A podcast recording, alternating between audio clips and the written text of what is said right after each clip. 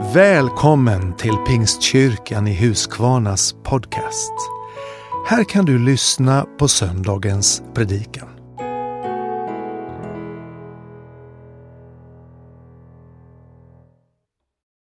Då känns det gott för mig att få predika idag och eh, läsa Guds ord tillsammans. Jag ska bara höja den här lite grann. Och vi ska gå till fjärde Mosebok, till kapitel 6 och vers 23 till 26. Och vi ska idag tala om detta med att vara välsignad av Gud. Då står det så här. Säg till Aron och hans söner, när ni välsignar Israels barn ska ni säga till dem, Herren välsigne dig och bevare dig. Herren låter sitt ansikte lysa över dig och vare dig nådig. Herren vände sitt ansikte till dig och give dig frid. Ska vi be ytterligare en bön tillsammans. Herre, så tackar vi dig för att vi får läsa ditt ord som är levande och verksamt, Herre. Tack för att det ger liv till oss. Och vi tackar dig för din välsignelse, Herre, som du vill ge oss Tack Herre för att du är oss nära, var och en Herre. Tack för att vi får öppna vårt hjärta för dig Herre och för ditt ord. Hjälp oss att lyssna och hjälp mig att tala. Tack Herre för att du är med. I Jesu namn vi ber. Amen. Amen. Den här texten brukar kallas för den aronitiska välsignelsen och faktiskt är det det textfragment som är det äldsta, mest, alltså det äldst bevarade textfragmentet. Det finns på ett, en silveramulett som man hittade i en grav i Hinnomsdalen strax utanför Jerusalem 600 år före Kristus. Så alltså det är det tidigaste fragmentet av skriften som vi har att tillgå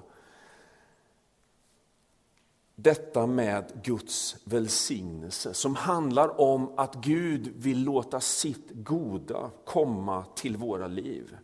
Det handlar om vad Gud gör i sin kärlek och i sin allmakt. Och jag tänker att det här är väl högst, högst en högst mänsklig önskan att få vara välsignad. Jag tänker att mycket av det som vi sysslar med i vårt samhälle, det som vi kanske uttrycker på olika sätt, handlar om att vi önskar välsignelse över våra liv. Vi vill ha ett, ett jobb som, där vi trivs. Vi vill ha vänner och känna att vi är sedda och älskade av andra. Vi kanske vill ha en livspartner att få dela livet med. Eh, vi längtar efter att få bilda familj. Vi kanske skulle vilja ha lite mer pengar i plånboken för att kunna göra de där sakerna som välsignar vårt liv. Många av oss längtar efter hälsa och inte minst i den här tiden som vi lever just nu så önskar vi att vi skulle få frid i vårt hjärta och känna att mitt i den här oron så kunde vi få den välsignelsen över oss. Calvin, en gammal kyrkofader eller en teolog genom kyrkohistorien. Han, han definierar välsignelse så här. Guds välsignelse är Guds godhet i handling genom vilken en rikedom av allt gott strömmar ner till oss från honom som är all godhets källa. Och när han skriver det och när den aronitiska välsignelsen blir nedtecknad, när Mose får det här uppdraget att ge den här befallningen till Aron, så handlar det först och främst inte om det materiella, saker och ting som vi kan se, utan Guds välsignelse går på ett djupare plan. Det handlar om min evighet, vad jag finns i förhållande till Gud. Att Gud mitt i stormen, precis som Amos läste tidigare i vår gudstjänst, vill komma med sin frid och ge oss sin ro.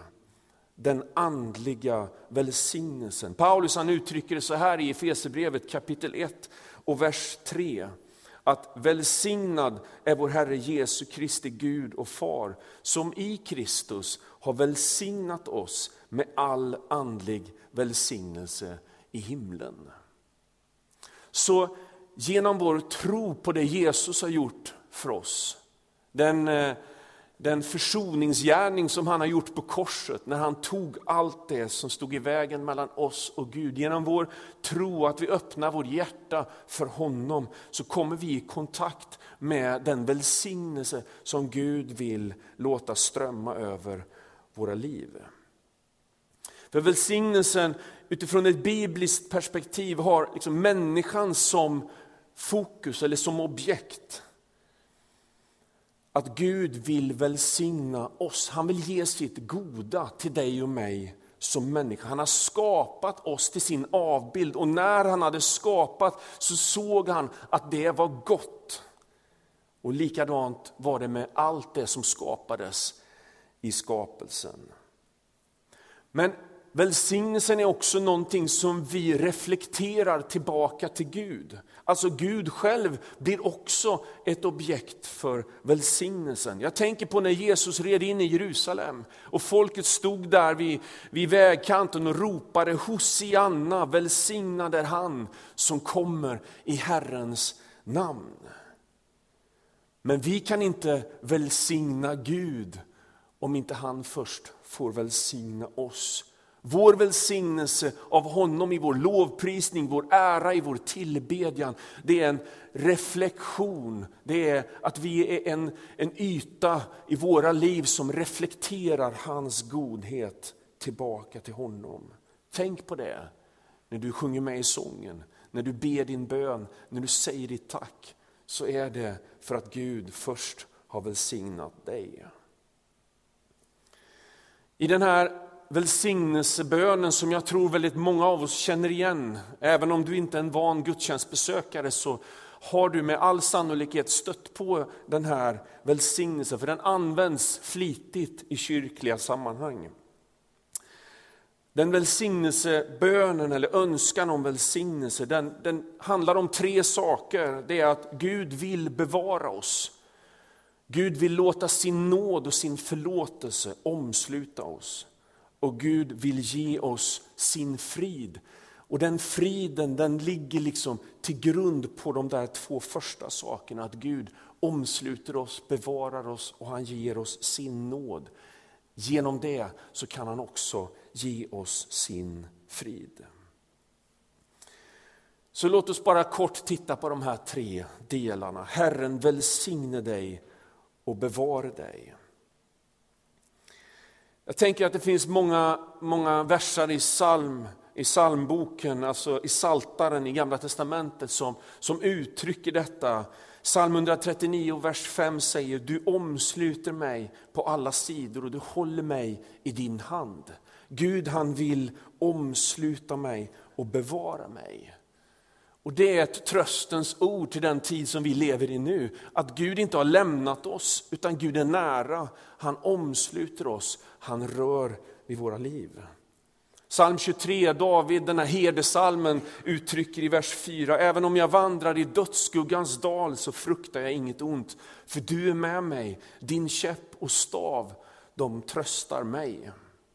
Och Jag har sagt det här eh, ganska flitigt i olika sammanhang, jag fick den här versen förklarad för mig av en person som hade förlorat sin son för några år sedan och som sen skulle beskriva hur församlingens roll liksom i deras sorgeprocess hade varit. Och så tog han upp den där versen och så sa han, jag har aldrig tänkt på den så, men jag förstod när jag läste den här versen att din käpp och din stav, de tröstar mig. Guds käpp och Guds stav. Det var alla de här människorna som hörde av sig, som bakade liksom en påse bullar eller hörde av sig, ringde, sa att vi står med i förbön, vi, vi finns vid din sida. I den där mörka dalen så kan du och jag vara varandras käpp och stav, Guds käpp och stav i den mörka. Någon att luta sig mot, någon att ta rygg på, någon att lyssna till med uppmuntrande ord. I psalm 91 så säger psalmisten, den som sitter under den högstes beskydd och vilar under den allsmäktiges skugga. Han säger till Herren, min tillflykt och min borg, min Gud som jag litar på. Och med sina fjädrar så täcker han dig och under hans vingar finner du tillflykt. Hans trofasthet är sköld och skärm. Gud han omsluter dig. Gud välsignar dig och han bevarar dig. Det andra som den här välsignelsen säger oss det är att Herren låter sitt ansikte lysa över dig och vara dig nådig. Någon har sagt att ansiktet är själens spegel. Att i ansiktet så ser vi vem någon är, hur någon är. Det finns en anledning till att det kanske största sociala mediet på vår planet just nu heter Facebook. Alltså det handlar om ansiktet. Det beskriver vem jag är. Och Gud han vill visa sitt ansikte, han vill lysa med sitt ansikte på dig. Och vi liksom kan undra, vem är Gud? Hur ser han ut? Vem, hur är han? Och då berättar Bibeln för oss att Jesus är den, den, den absolut ultimata beskrivningen av vem Gud är. När vi läser om Jesus i evangelierna så får vi en bild av Guds ansikte. Vem är Gud? Han är barmhärtig, han möter upp människor, han räds inte för att röra vid den som är full av smitta. Han möter den som är ensam, den som är utstött. Han helar de sjuka, han rör vid människor som har behov. Och han talar både nåd och sanning. Ordsboksboken 15 och 13 säger att ett glatt hjärta gör ansiktet ljust. Och Herren låter sitt ansikte lysa Därför att Guds hjärta är fyllt av kärlek, av barmhärtighet mot dig. Och när han ser på dig så ser han inte med ett pekfinger som säger du har gjort fel, eller du duger inte, du borde göra något på ett annat sätt. Eller om du gör si eller så, så kommer jag till dig. Nej, Gud, när han ser på dig så ser han med ett glatt hjärta, ett ljust ansikte. För de saker och ting som du och jag brottas med, de vill han ta i sin hand. Det som du och jag har gjort som har blivit fel i våra liv, det vill han förlåta och genomsyra med sin nåd. Han vill låta sitt ansikte lysa för att han vill ge oss sin nåd.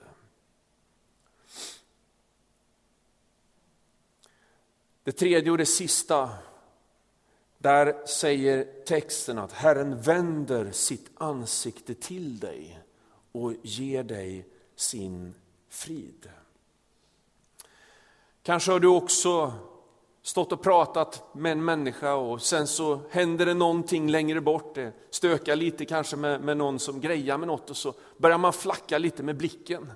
Och så märker man direkt att kontakten i det här samtalet är bruten. Jag träffar många människor i mitt yrke som pastor och, och ibland så brottas jag också med detta att vara närvarande just med den människa som jag pratar med. Jag vet att jag ibland brister. Däremot så har jag en hustru, min fru Sara, hon är fantastisk på det.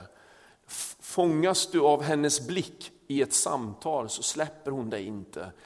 Nu kan ju det låta lite hemskt, och inte så jag menar Sara, utan, men att man, man, hon är koncentrerad och är närvarande i det där samtalet. Och jag har tänkt på, eh, ni vet när, när någon förälder kommer med sitt barn, kanske har du någon kompis eller någon vän eller möjligtvis har du blivit farfar eller farmor nyligen och, och ditt, ditt barn kommer med den där nyfödda bebisen i vagnen och så vill man liksom titta på den och så stoppar man ner ansiktet i vagnen och så söker man efter blicken till bebisen och så får man den där kontakten. Och så plötsligt så får man också en reaktion för att ansiktet kommer nära. Det finns något fundamentalt i detta att mötas ansikte mot ansikte. Att, att vända sitt ansikte till en annan människa. Gud vänder sitt ansikte till oss. Han flackar inte med blicken. Han liksom söker inte efter att, någonting annat, utan när han fäster sin blick på dig så stannar han där. Och han frågar, hur har du det? Vad kan jag göra för dig? Hur kan jag välsigna dig? Hur kan jag omsluta dig? Hur kan jag trösta dig? Hur kan jag hjälpa dig? Och jag tror att i detta så finns det också en påminnelse till oss att faktiskt vi också kan göra som Gud. Att vi vänder vårt ansikte till varandra och blir en kanal för Guds välsignelse till den som finns i vår närhet. Kanske är det så att det är dina barn eller din livskamrat eller dina föräldrar som nu kanske är 70 plus och behöver vara isolerad i sitt hem. Så skulle behöva att du vänder ditt ansikte till dem och lyssnar, säger några uppmuntrande ord och blir en kanal för Guds välsignelse. När Gud vänder sitt ansikte till oss så är det för att han vill ge oss sin frid. Och Jesus säger att jag ger er en sån frid som inte världen kan ge. Var inte oroliga. Det finns någonting med Guds frid som inte har med ett tänt ljus eller perfekta omständigheter att göra, utan mitt i stormen, mitt i båten, mitt när det blåser som allra mest, om det är på grund av corona eller en annan situation som du har i ditt liv, mitt i den situationen så vill Gud placera sin frid i ditt hjärta och ge dig den där vilan som är oberoende av hur omständigheterna ser ut. Herren han vänder sitt ansikte till dig och ger dig sin frid. I Matteus kapitel 9 och vers 22 så kommer vi direkt in i en berättelse och det är det sista jag ska säga nu i min förkunnelse. Där en kvinna med blödningar som har försökt, och hon har lagt ut alla pengar hon har på att försöka hitta läkedom till den sjukdom som hon bär som gör att hon har ständiga blödningar. Och de här blödningarna de, de var ju besvärliga precis som det är besvärligt för den som har de här problemen också i vår tid idag. Men det finns en dimension till för den här kvinnan. Det var på grund av de här blödningarna så vart hon också utestängd från den religiösa gemenskapen. Hon betraktades som oren. Så det var inte bara en fysisk åkomma utan det gjorde också att hon vart utanför hela samhället och hela det religiösa livet. Nu fick hon en tanke för hon hade hört om Jesus och det var att hon skulle ta sig fram till honom i folkhopen och röra vid hans mantel. Om jag bara får röra vid hans mantel så kan jag bli frisk. Och hon gör det. Och Jesus han känner att kraft går ut från honom. Och det står i texten att han vänder sig om och han får se henne och han sa, var inte orolig min dotter, din tro har hjälpt dig. Och i Lukas och Markus där det finns en parallelltext till det som står skrivet i Matteus 9 så avslutar han de orden med att säga gå i frid. Och jag tänker att det är det här som Gud vill göra med oss idag. När du och jag sträcker oss mot honom så vänder han sitt ansikte till oss och han säger din tro på vad jag har gjort har gjort någonting i ditt liv. Så gå i frid. Ska vi be tillsammans. Herre så tackar jag dig för att du vill välsigna oss idag Herre. Tackar dig Herre för allt det goda som du vill ska komma oss till del. Tack Herre för att vi får komma inför ditt ansikte och det lyser mot oss. Och du vänder ditt ansikte till oss och du ger oss din frid Herre. Vi tackar dig för det. I Jesu namn. Amen. Vill du komma i kontakt med kyrkan så besök vår hemsida www.huskvarna.pingst.se eller besök oss på Tegnérgatan 3.